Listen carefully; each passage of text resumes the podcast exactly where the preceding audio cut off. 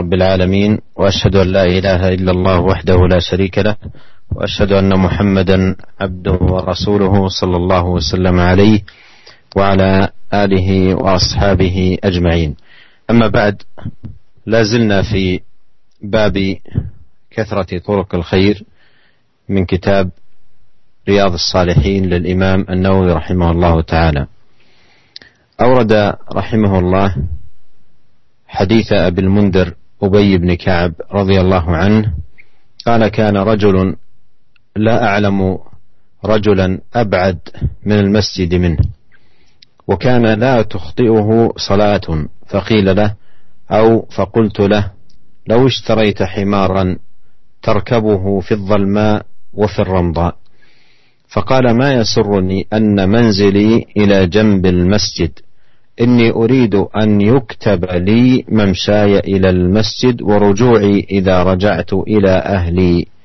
فقال رسول الله صلى الله عليه وسلم قد جمع الله لك ذلك كله. رواه مسلم. وفي رواية إن لك ما احتسبت. قال الرمضاء الأرض التي أصابها الحر الشديد. هذا الحديث فيه بيان كثرة طرق الخير وأن من طرق الخير واكتساب الثواب كثرة الخطى إلى بيوت الله سبحانه وتعالى. ذهابا وإيابا لأن الخطى في الذهاب إلى المسجد تكتب وكذلكم الخطوات عندما يرجع من المسجد تكتب. ومعنى ذلك أن هذه الخطوات كلما ازدادت زاد الأجر. ومر معنا أن النبي عليه الصلاة والسلام قال لبني سلمة دياركم تكتب آثاركم. وفي رواية أنه قال بكل خطوة درجة. فهذه الخطوات كلما كثرت كثرت الأجور وعظم الثواب. وهذا الرجل الذي يذكر أبي رضي الله عنه قصته أولا وصفه بأن بيته بعيد عن المسجد. حتى قال أبي لا أعلم رجلا أبعد من المسجد منه. لا أعلم رجلا أبعد من المسجد منه. أي أن مسجده بعيد جدا عن المسجد وفي الوقت نفسه كانت لا تخطئه صلاة أي لا تفوته صلاة. مواظب على الصلوات في المسجد مع بعد بيته عن المسجد بل إن بيته أبعد البيوت عن المسجد. ومع ذلك ما كان ما كانت تفوته صلاة. فقيل له أو قال له أبي لو اشتريت حمارا تركبه في الظلماء وفي الرمضاء. أي أنه كان يأتي مع هذه المسافة البعيدة ماشيا على قدميه في الذهاب والإياب. فقال له لو اشتريت حمارا تركبه في الظلماء وفي الرمضاء في, في الظلماء لأن ركوب الحمار في الظلماء فيه السلامة مما قد يكون في الأرض من آه، حشرات مؤذية أو دواب مؤذية أو آه، أماكن قد يعثر فيها الماشي. والرمض فسره بالأرض التي أصابها الحر الشديد. فإذا مشى الإنسان في الرمضاء على قدميه آه، قد يؤثر عليه حر الأرض الشديد. لكن إذا كان راكبا فإن الأمر يكون أهون.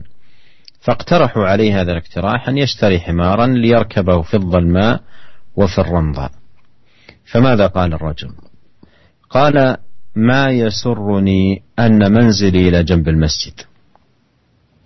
ما يسرني أن منزلي إلى جنب المسجد. أي لا لا أرغب ولا أحب أن يكون مسجد بيتي ملاصق للمسجد ومجاور له. لماذا؟ قال إني أريد أن يكتب لي ممشاي إلى المسجد ورجوعي إذا رجعت إلى أهلي. كل هذه الخطوات آه، أريد أن تكتب لي. قال رسول الله صلى الله عليه وسلم قد جمع الله لك ذلك كله. وفي رواية إن لك ما احتسبت. وهذه الرواية أيضا مهمة في هذا الباب. ألا وهو أن الثواب بالاحتساب. فالرجل يمشي محتسبا. فهذه الخطوات تكتب لمن مشى هذه الخطوات محتسبا الأجر والثواب من الله سبحانه وتعالى. فقال له النبي صلى الله عليه وسلم إن لك ما احتسبت. وهذا أيها الإخوة الكرام باب عظيم من أبواب آه، الخير بكثرة الخطى إلى المساجد. وأذكر بهذه المناسبة قصة مفيدة. مررنا مرة على قرية فيها بيوت قليلة جدا. وأحد هذه البيوت بعيد نوعا ما عن المسجد. ورأينا حبلا ممدودا من قرب باب المسجد إلى قرب باب تلك الدار. فسألنا عن هذا الحبل ما قصته؟ فقالوا إن صاحب ذلك البيت رجل كفيف لا يبصر.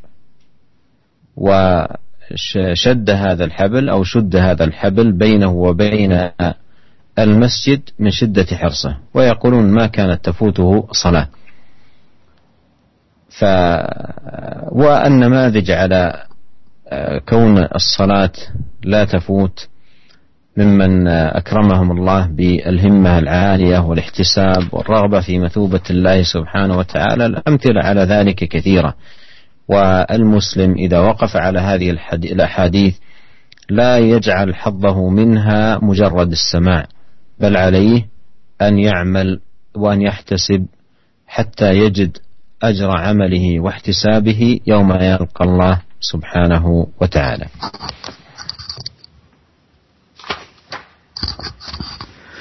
Bismillahirrahmanirrahim. Alhamdulillah, segala puji dan syukur kita panjatkan kehadirat Allah Subhanahu wa taala atas segala limpahan karunia dan nikmat yang Allah berikan kepada kita. Salawat dan salam semoga senantiasa tercurahkan kepada suri teladan kita Nabi Muhammad sallallahu alaihi wasallam, keluarganya dan juga seluruh sahabat beliau tanpa terkecuali. Para pendengar yang dirahmati oleh Allah Subhanahu wa taala, kita masih dalam bab uh, bayan kasrati turukil khair, penjelasan tentang banyaknya jalan-jalan kebaikan sebagaimana yang dituliskan oleh Al-Imam An-Nawawi rahimahullah dalam kitabnya Riyadhus Shalihin. Dan dalam bab ini Al-Imam An-Nawawi rahimahullah membawakan hadis dari Abu Munzir Ubay bin Ka'b radhiyallahu taala anhu di mana uh, uh, Ubay berkata ada seorang lelaki yang aku tidak mengetahui ada yang lebih, rumahnya lebih jauh daripada rumah lelaki ini. Lebih jauh dari masjid daripada rumah lelaki ini. Artinya lelaki ini rumahnya yang paling jauh. Kemudian kata Ubay bahwasanya orang ini tidak pernah ketinggalan sholat. Maka aku berkata kepada orang ini, kalau seandainya engkau membeli keledai, engkau e, menunggangi keledai tersebut dalam di dalam kondisi gelap atau kau tunggangi keledai tersebut dalam kondisi tanah dalam keadaan panas. Maka apa jawaban lelaki ini?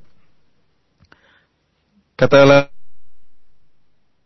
rumahku berdampingan dengan masjid. Sungguhnya aku ingin dicatat bagiku seluruh langkah-langkahku menuju masjid dan tatkala aku pulang dari masjid menuju rumahku. Maka Rasulullah SAW tatkala mendengar pernyataan laki ini dia berkata Rasulullah SAW berkata, "Qad jama Allahu laka kullah." Sungguhnya Allah Subhanahu wa taala telah mengumpulkan hal itu seluruhnya bagi engkau. Hadis ini hadis yang diriwayatkan oleh Al-Imam Muslim. Dalam riwayat yang lain kata Nabi sallallahu alaihi wasallam, "Innalaka mahtasabt." Sungguhnya bagi engkau apa yang kau ihtisabkan, apa yang kau harapkan. Apa yang kau harapkan dari pahala. Para pendengar yang dirahmati oleh Allah Subhanahu wa taala, hadis ini juga menjelaskan akan banyak-banyaknya jalan-jalan kebaikan. Dan di antara jalan-jalan kebaikan yang banyak tersebut adalah memperbanyak langkah kaki menuju rumah-rumah Allah Subhanahu wa taala. baik tatkala berangkat pergi maupun pulang dari masjid-masjid Allah Subhanahu wa taala. Karena langkah-langkah tersebut dicatat oleh Allah Subhanahu wa taala tatkala seorang melangkahkan kakinya menuju masjid. Demikian juga dicatat oleh Allah Subhanahu wa taala sebagai kebaikan tatkala dia melangkahkan kakinya pulang ke rumahnya. Oleh karenanya semakin banyak langkah kaki menuju masjid atau pulang dari masjid maka semakin banyak pula pahala yang akan diperoleh. Dan telah lalu hadis dari uh, tentang Bani Salimah ya yang di mana uh, mereka ingin memindah uh, berpindah rumah ke tempat yang lebih dekat dengan masjid maka kata Nabi sallallahu alaihi wasallam Bani Salimah diyarakum tuktab atharakum kata Nabi sallallahu alaihi wasallam wahai Bani Salimah janganlah kalian pindah tetaplah di rumah kalian yang jauh dari masjid maka akan dicatat amalan kebaikan kalian, akan dicatat langkah-langkah kalian. Bahkan dalam riwayat yang lain kata Nabi sallallahu alaihi wasallam, "Inna bikulli khutwatin darajah." Sungguhnya setiap langkah yang yang kalian langkahkan akan meninggikan derajat kalian. Perhatikanlah para pendengar yang dirahmati oleh Allah Subhanahu wa taala. Orang ini yang disebutkan dalam hadis yang sedang kita bahas ini, ya, disifati oleh Ubay bin Ka'ab Abdul Munzir bahwasanya orang ini rumahnya jauh dari masjid. Bahkan Abdul Munzir mengatakan, La a'lamu la a'lamu rajulan ab'ada minal masjid minhu. Kata Abu Munzir, Ubay bin Ka'ab radhiyallahu anhu, aku tidak tahu ada orang lain yang rumahnya lebih jauh dari masjid daripada rumahnya orang ini. Artinya orang ini rumahnya sangat jauh, ya. Akan tetapi, meskipun rumahnya jauh, kata Abu Munzir, la tukhti'u salatun. Dia sama sekali tidak pernah ketinggalan salat. Senantiasa disiplin pergi salat berjamaah. Padahal rumahnya sangat jauh dari masjid, bahkan terjauh di antara seluruh orang yang paling jauh rumahnya dari masjid orang ini. Akan tapi subhanallah dia tetap uh, selalu menjaga sholat berjamaah. Maka Ubay bin Ka'ab memberikan usulan kepada dia untuk meringkahkan meringankan beban yang dia alami karena jalan terlalu jauh pulang balik. Maka kata Ubay bin Ka'ab, "Lau ishtaraita himaran tarkabuhu fi dhalma wa fi dhamma." Wahai saudaraku, bagaimana kalau engkau membeli seekor keledai kemudian kau tunggangi keledai tersebut untuk kau gunakan tatkala berjalan di malam hari dan juga tatkala kau berjalan di siang hari terik ya di siang hari panas ya malam hari ada manfaatnya jika seorang naik keledai menuju masjid maka dia mungkin akan selamat dari gangguan-gangguan yang ada di jalan karena malam hari gelap. Di malam hari gelap mungkin ada binatang berbisa mungkin ada sesuatu yang mengganggu atau lubang yang mungkin bisa membuat dia jatuh. Namun jika dia mengendarai keledai maka akan dia selamat dari hal-hal tersebut. Demikian juga di saat di siang hari Firrambo tatkala dia mengendara men, uh, menunggangi keledainya di siang hari ya tatkala hari sangat panas membuat uh, tanah sangat panas kalau seandainya dia berjalan kaki tanpa menggunakan keledai maka akan menyakiti kakinya dia akan terasa kepanasan akan tapi jika dia naik keledai maka hal ini akan mempermudah uh, uh, perjalanannya menuju menuju masjid ini usulan dari Ubay bin Ka'ab kepada laki tersebut. Akan tapi apa kata laki tersebut? Ya. Dia mengatakan, "Maya suruni anna manzili ila jambil masjid."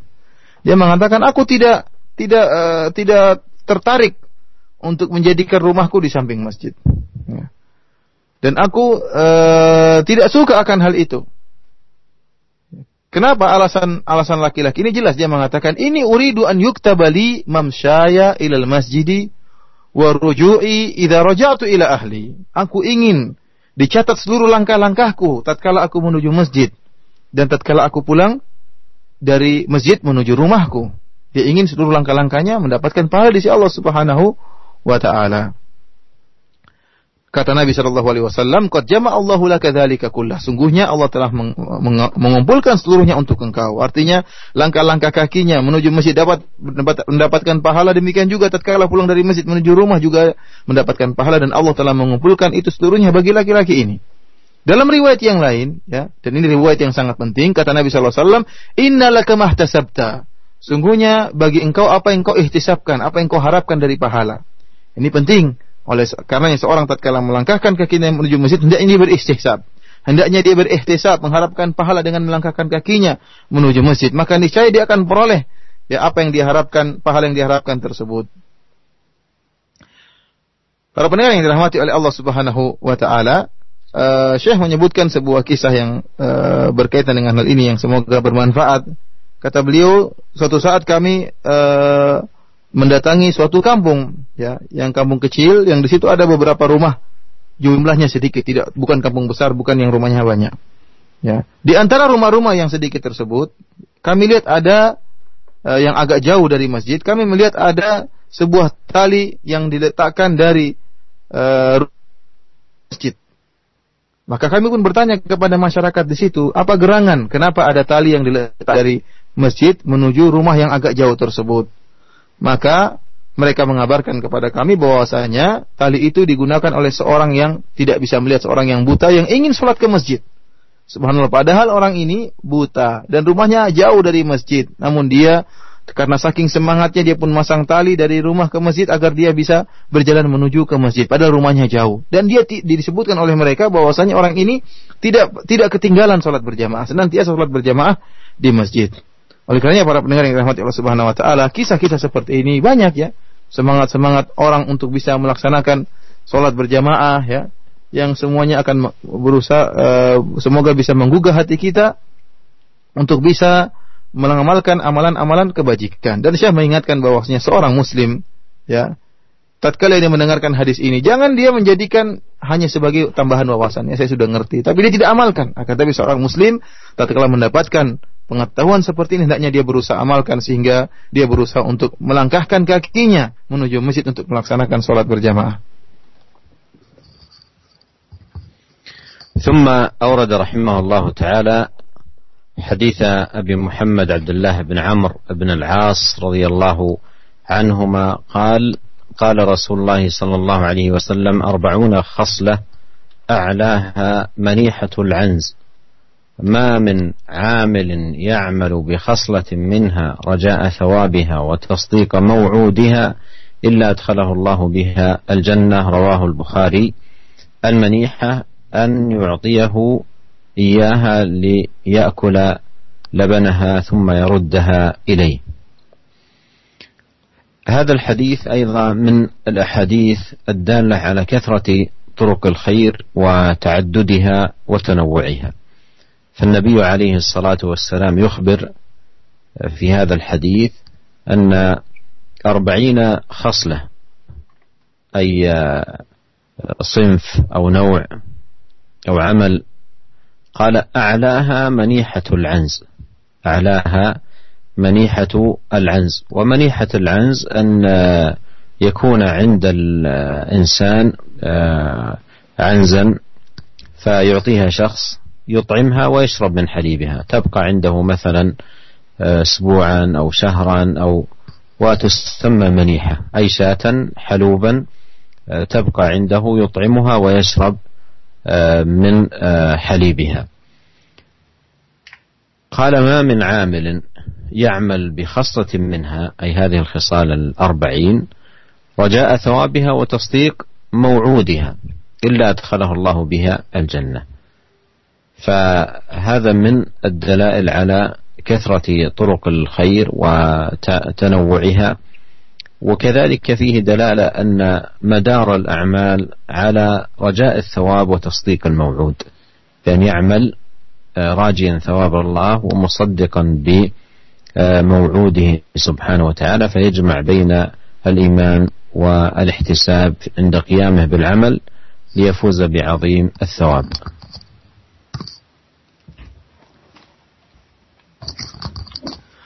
Para pendengar yang dirahmati oleh Allah Subhanahu wa taala, kemudian Al-Imam An-Nawawi rahimahullah membawakan hadis berikutnya dari Abu Muhammad Abdullah bin Amr bin Al-As radhiyallahu taala anhu.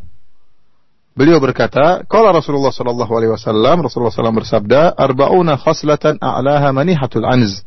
Ada 40 perkara.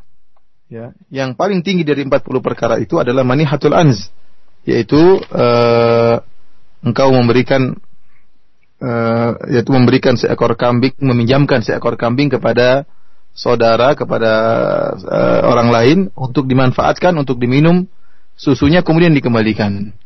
Kemudian kata Nabi sallallahu alaihi wasallam, "Ma min 'amilin ya'malu bi khaslatin minha raja'a thawabiha wa tasdiqa maw'udiha illa adkhalahu adkhalahu Allahu bihal jannah." Kata Nabi, tidaklah seorang pun yang mengerjakan salah satu dari 40 uh, perkara tersebut dengan mengharap pahala dari perkara-perkara tersebut dan membenarkan janji Allah terhadap perkara-perkara tersebut kecuali Allah akan masukkan dia ke dalam surga. Para pendengar yang dirahmati oleh Allah Subhanahu wa taala, hadis ini juga merupakan salah satu dari hadis-hadis yang menunjukkan akan banyaknya jalan-jalan kebaikan, beraneka ragam dan bervariasi jalan-jalan kebaikan tersebut. Dalam hadis ini Nabi SAW mengabarkan ada 40 perkara, ya, 40 perkara yaitu amalan-amalan kebajikan yang jika dikerjakan dari 40 perkara tersebut bisa menyebabkan seorang masuk dalam surga. Yang paling tinggi dari 40 perkara tersebut adalah manihatul anz, yaitu seorang memiliki uh, seekor kambing ya, kemudian dia pinjamkan kepada saudaranya, dia pinjamkan kepada tetangganya ya. Mungkin seminggu, mungkin beberapa hari, mungkin sebulan untuk dimanfaatkan kambing tersebut. Diperah susunya, diminum susunya oleh uh, tetangganya tersebut, oleh saudaranya tersebut. Nanti setelah itu dia kembalikan kepada uh, kepada pemilik asalnya. Ya. Dan ini memberikan memberikan pahala ya, bahkan bisa menyebabkan seorang masuk ke dalam ke dalam surga. Namun ingat kata Nabi sallallahu alaihi wasallam, raja'a thawabiha wa tasdiqa. Hendaknya dia tatkala melaksanakan salah satu dari 40 perkara tersebut, dia mengharapkan pahala dari Allah Subhanahu wa taala. Oleh karenanya, uh, Syekh menjelaskan bahwasanya inti daripada amal seluruhnya Jangan lupa itu niat untuk memperoleh pahala. Seorang beramal bukan beramal begitu saja, tapi dia berharap pahala. Kemudian tasdiqul mau'ud, yaitu dia dia membenarkan janji-janji Allah Subhanahu wa taala tentang amalan tersebut. Dia benarkan. Oleh karenanya, dalam hadis ini digabungkan antara dua perkara yang sangat penting yaitu beriman dengan janji Allah Subhanahu wa taala, yang kedua ihtisab mengharapkan ganjaran dari Allah Subhanahu wa taala. Barang siapa yang melakukan salah satu dari 40 perkara tersebut dengan mengumpulkan dua perkara ini iman dan mengharapkan ganjaran maka niscaya dia akan dimasukkan oleh Allah ke dalam surga Allah Subhanahu wa taala. ثم أورد رحمه الله تعالى حديث عدي بن حاتم رضي الله عنه قال سمعت النبي صلى الله عليه وسلم يقول اتقوا النار ولو بشق تمرة متفق عليه وهذا أيضا آه، فيه كثرة طرق الخير وأن آه، الصدقة والبذل في سبيل الله ولو كان شيئا يسيرا من المال أو الطعام أو اللباس آه، وإن كان صغيرا في عين المنفق المعطي فإن الله عز وجل عظيم الثواب جل وعلا.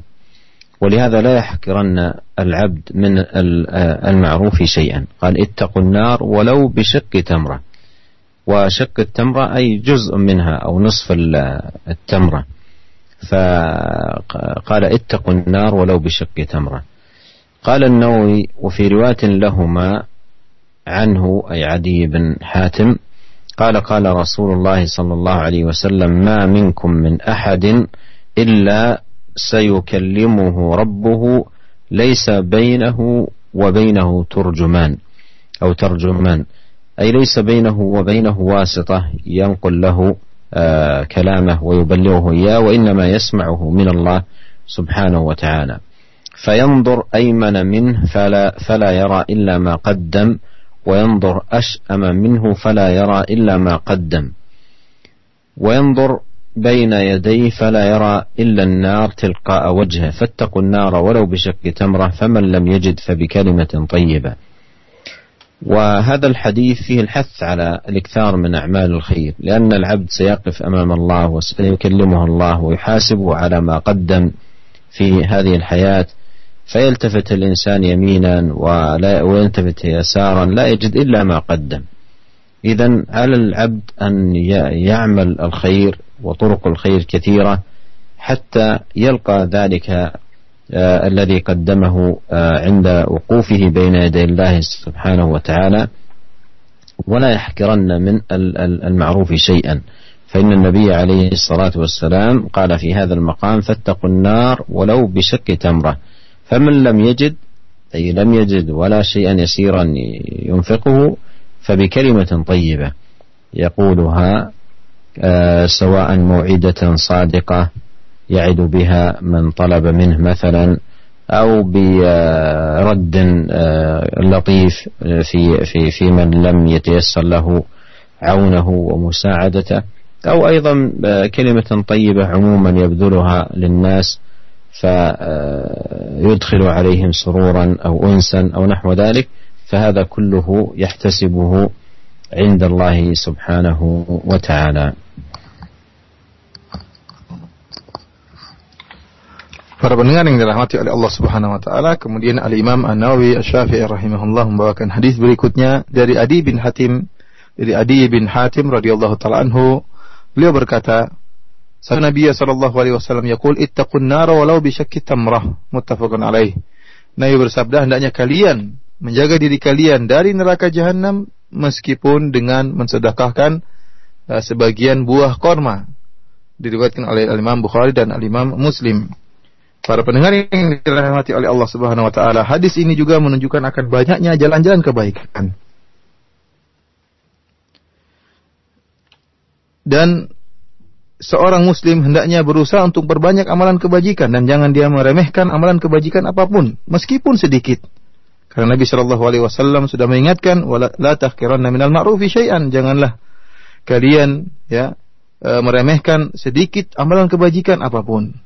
Apakah kita memberi bantuan kepada orang lain berupa makanan meskipun sedikit ataupun pakaian atau yang perkara yang lain? Yang jelas jangan kita meremehkan kebaikan apa pun bisa jadi kebaikan tersebut menjaga kita dari neraka jahanam agar kita tidak terjerumus dalam neraka jahanam. Bisa jadi menurut pandangan kita amalan tersebut kecil, bantuan tersebut kecil akan tapi di sisi Allah Subhanahu wa taala ya besar di sisi Allah Subhanahu wa taala. Lihatlah hadis ini kata Nabi sallallahu alaihi wasallam, "Ittaqun nar walau bisyakki tamrah."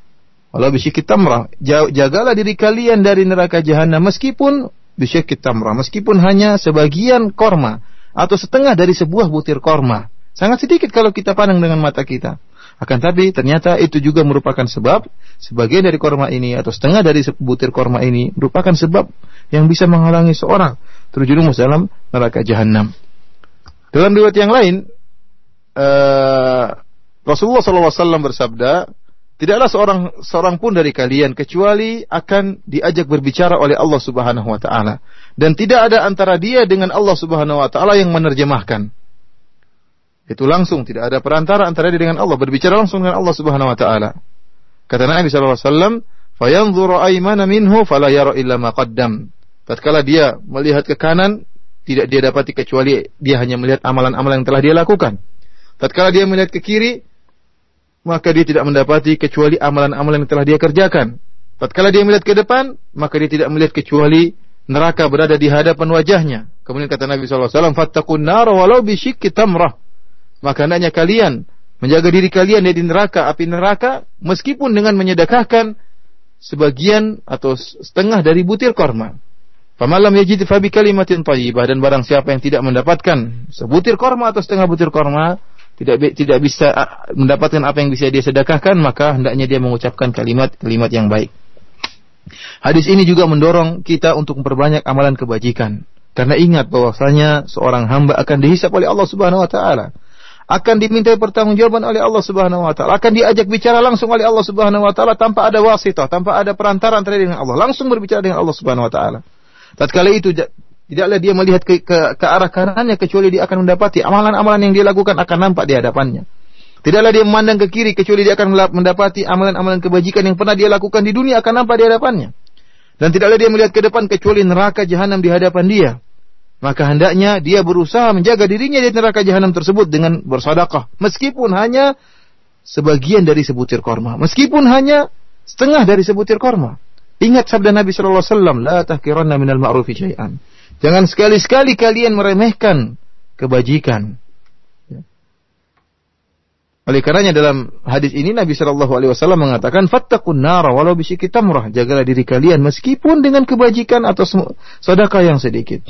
Kemudian kata Nabi Shallallahu Alaihi Wasallam barang siapa yang tidak mendapatkan apa yang bisa dia gunakan untuk dia sedekahkan fabi kalimatin thayyibah maka hendaknya dia mengucapkan perkataan-perkataan yang baik.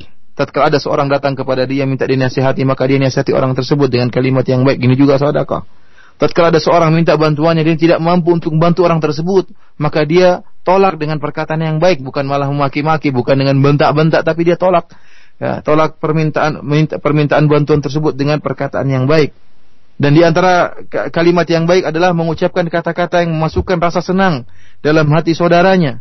Ya. Jika kita mengerjakan seluruh perkara ini, kalimat yang baik yang terasa ringan, namun kita ihtisab kepada Allah mengharapkan ganjaran dari Allah Subhanahu wa taala, maka niscaya Allah akan beri ganjaran kepada kita dan membantu kita untuk terjauhkan dari neraka jahanam.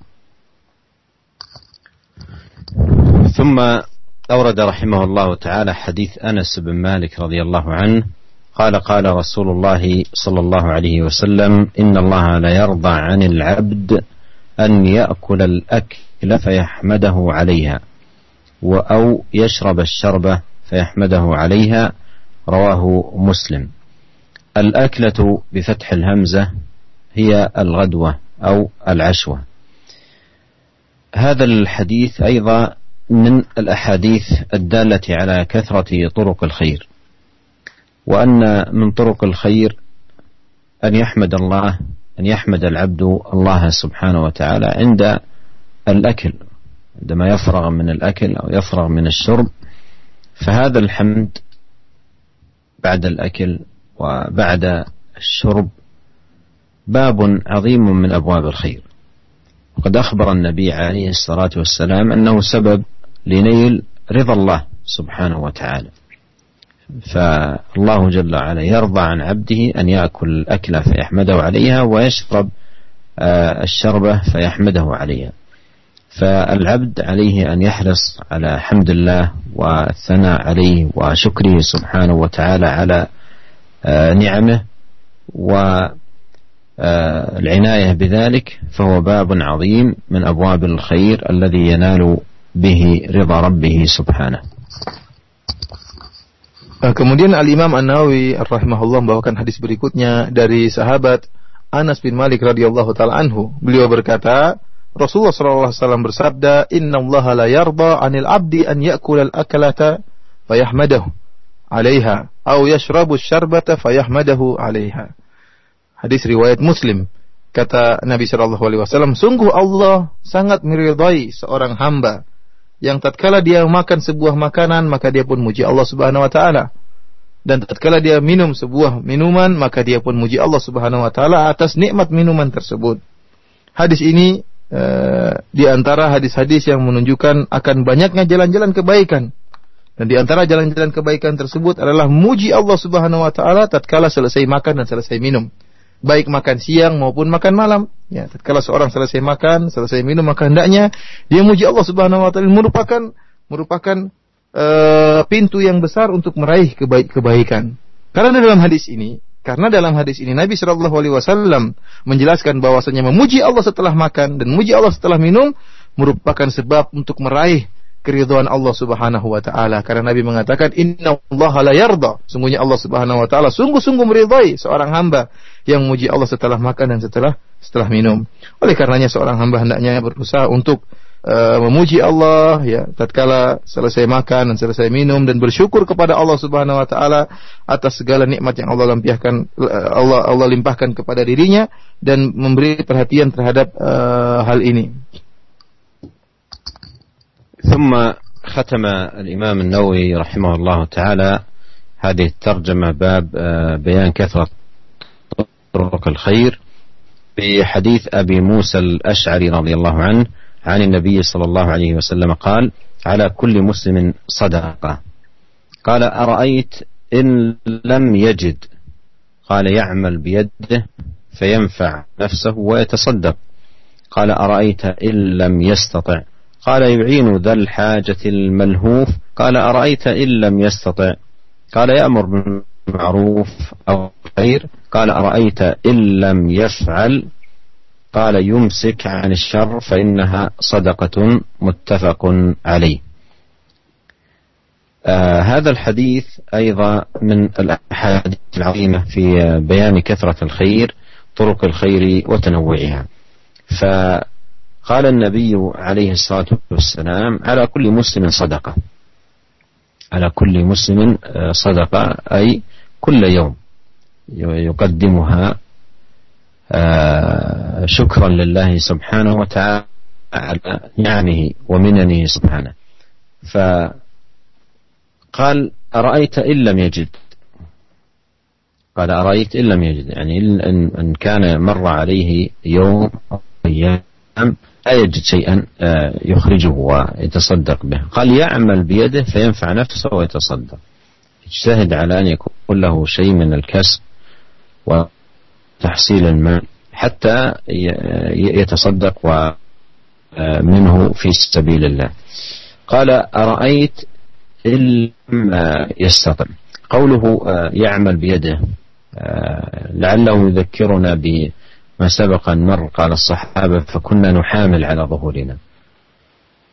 يعني يذهب الواحد ويحمل متاعا للآخرين على ظهره من أجل أن يأخذ آه، شيء من المال ليتصدق. وهذا من حرصهم على الصدقة والبذل في سبيل الله. قال أرأيت إن لم يستطع؟ لم يستطع أن يعمل. فما فكيف يتصدق؟ قال يعين ذا الحاجة الملهوف. والملهوف ما وقع في شدة أو كرب أو احتاج إلى من يساعده فيعينه يساعده سواء على حمل متاع أو نقل متاع أو مساعدة في أمر ما. قال أرأيت إن لم يستطع إن لم يستطع أن يعين ذا الحاجة الملهوف قال يأمر بالمعروف أو الخير.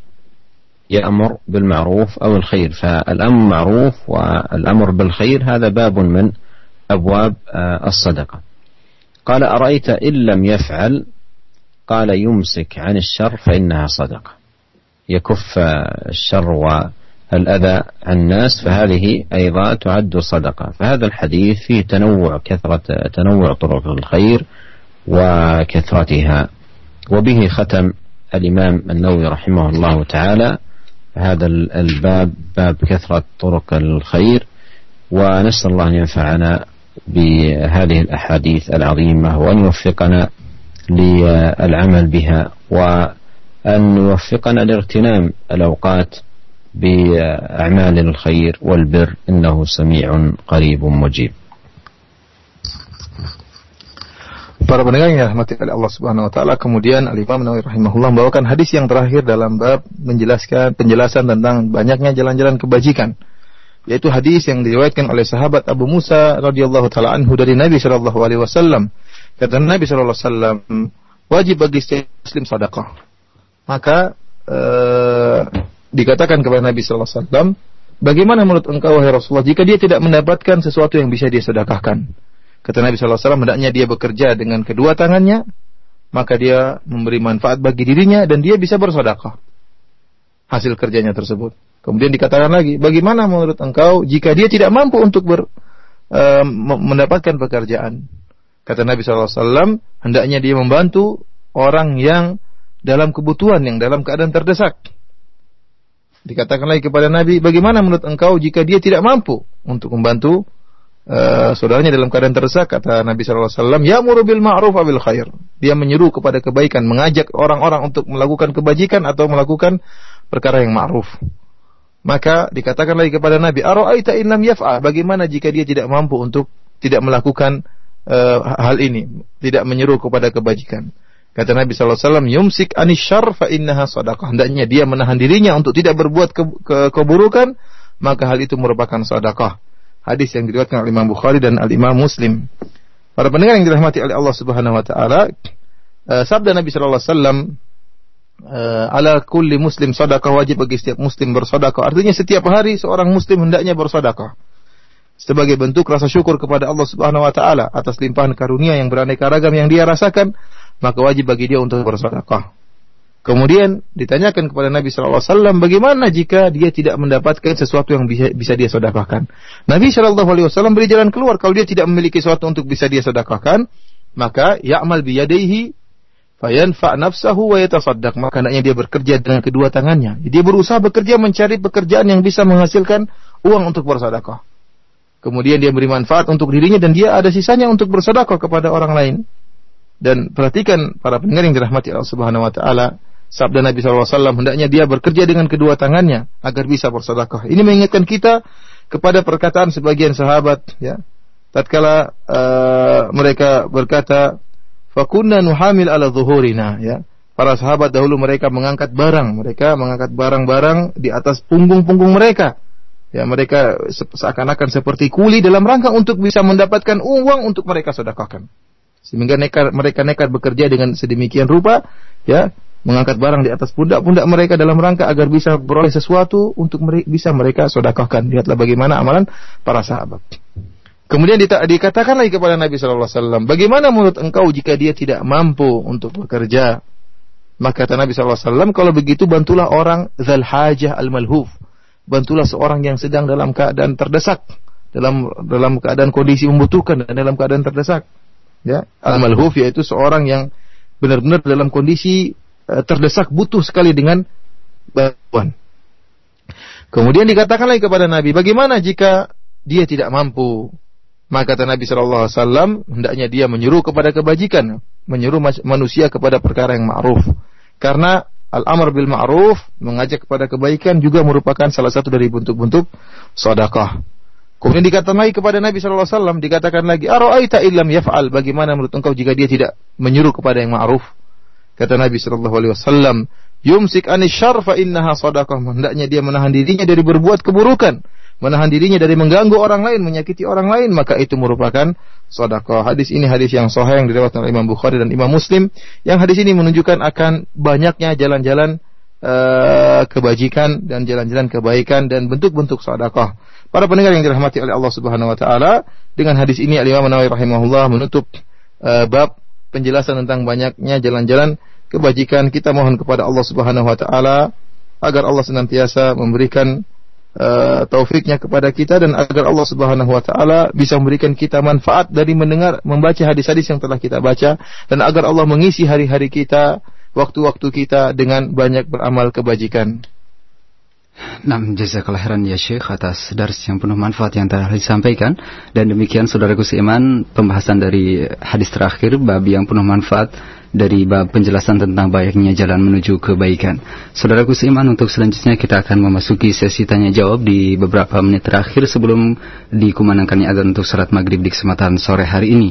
Ada eh, pendengar yang datang uh, pertanyaan yang datang dari pendengar kita melalui pesan singkat yang kami angkat ya Ustaz uh, dari Ibu Rita di Jakarta Timur dan Bapak Adnan di Parung yang bertanya. Ya Syekh, apa yang harus dilakukan oleh uh, muslimah yang ingin mendapatkan keutamaan dan pahala besar berjalan menuju masjid-masjid Allah ketika akan melaksanakan uh, sholat wajib. Uh, sementara dianjurkan bagi muslimah itu untuk sholat-sholatnya di rumah-rumah mereka. Apakah boleh atau apakah bisa menyamai uh, pahala uh, dengan datang mendatangi majelis ilmu yang dilakukan oleh muslimah tersebut? Dan uh, uh, tambahan pertanyaan dari Bapak Adnan. Apakah dengan mengendarai motor untuk kita berjalan ke masjid atau menuju ke masjid juga merupakan uh, sama pahalanya ketika dengan uh, kita berjalan dengan kaki menuju masjid? Jazakallahu khairan ya Syekh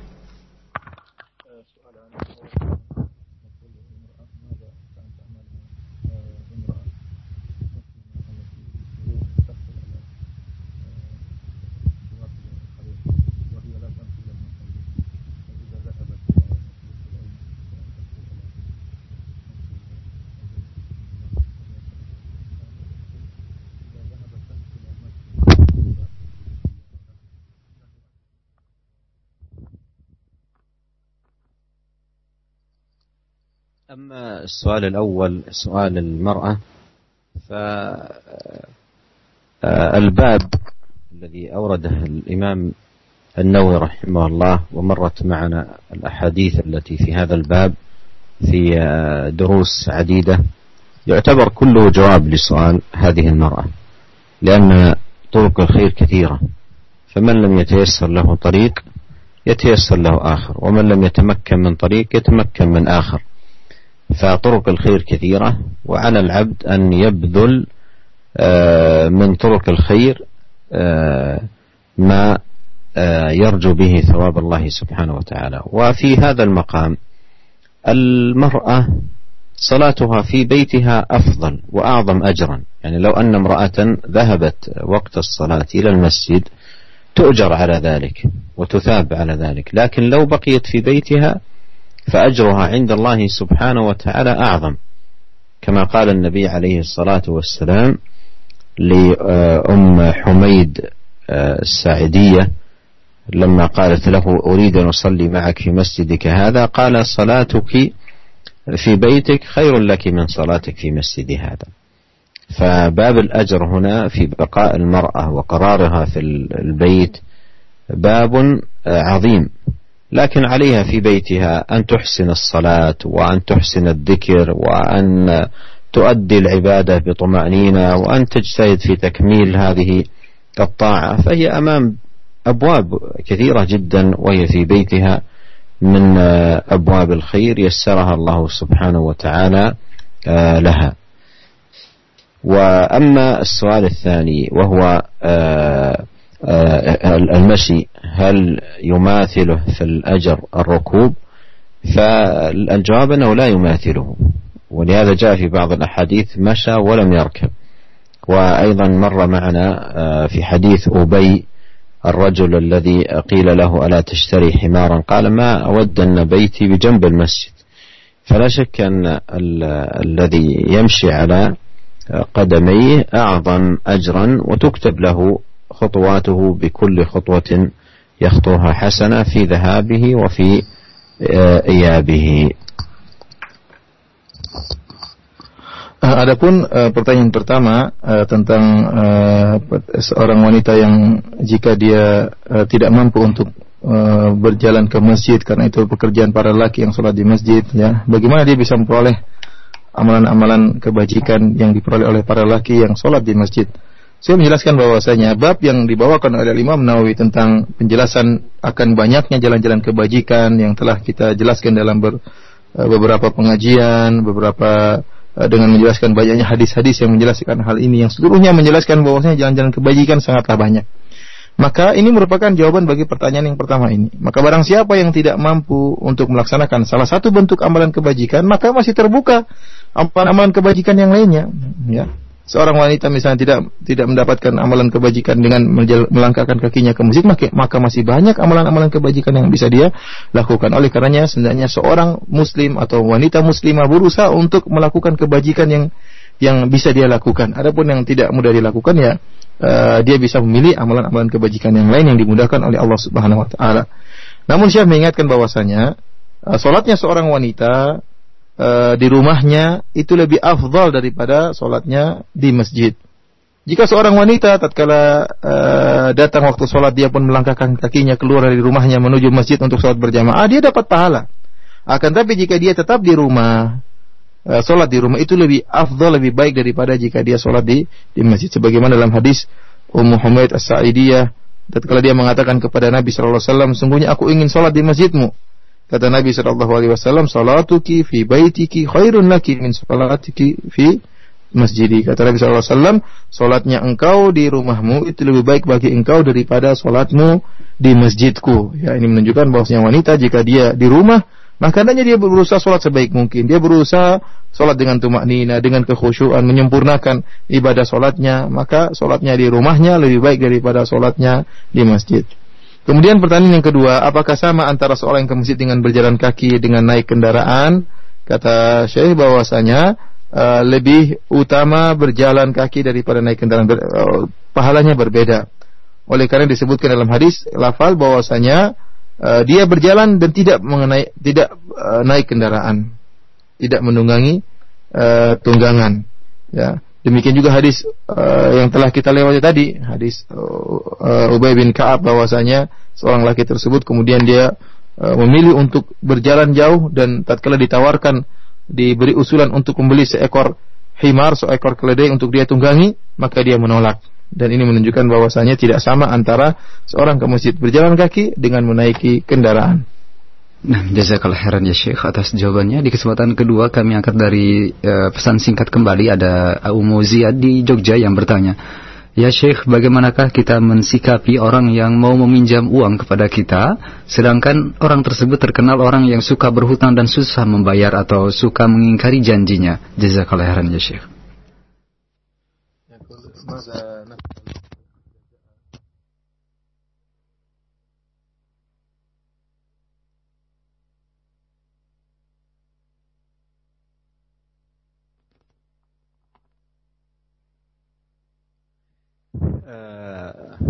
إقراض الآخرين هذا نوع من المساعدة. إذا كان لدى الإنسان مال ويسار فأقرض منه محتاجا فهذا باب من أبواب الخير وطريق من طرقه. لكن إن كان يعلم عن هذا الذي يقترض أنه لا يسدد أو أنه لا يفي واعتذر منه لا حرج في هذا الاعتذار. لا سيما وهو يعلم أنه معروف بعدم السداد أو معروف بالمماطلة ونحو ذلك. هذا ونسأل الله الكريم رب العرش العظيم أن ينفعنا جميعا بما علمنا وأن يزيدنا علما وأن يوفقنا لكل خير وأن يهدينا سواء السبيل. والله أعلم وصلى الله وسلم على عبده ورسوله نبينا محمد وآله وصحبه أجمعين والسلام عليكم ورحمة الله وبركاته وعليكم السلام ورحمة الله وبركاته جزاك الله خيرا يا شيخ Uh, saya menjelaskan bahwasanya meminjamkan uang kepada orang lain ini merupakan salah satu dari bentuk-bentuk amalan kebajikan Ya. Jika seorang memiliki kelebihan harta, kemudian datang orang yang ingin meminjam uang darinya, maka jika dia meminjamkan uangnya tersebut kepada orang tadi, dia akan mendapatkan pahala di sisi Allah Subhanahu wa taala. Akan tapi jika datang seorang kepada dia dan orang ini terkenal, terkenal uh, tidak gampang bayar utang, bahkan sudah punya uang tapi nggak bayar-bayar ya, nunda-nunda pembayaran utang, maka tidak mengapa bagi dia untuk menolak uh, permintaan orang tersebut. Karena terutama jika orang diketahui ya suka melakukan mumatalah, mumatalah yaitu punya uang tapi nggak bayar-bayar hutang ya. Ditunda-tunda. Padahal dia berkesempatan untuk membayar uh, membayar utang ya.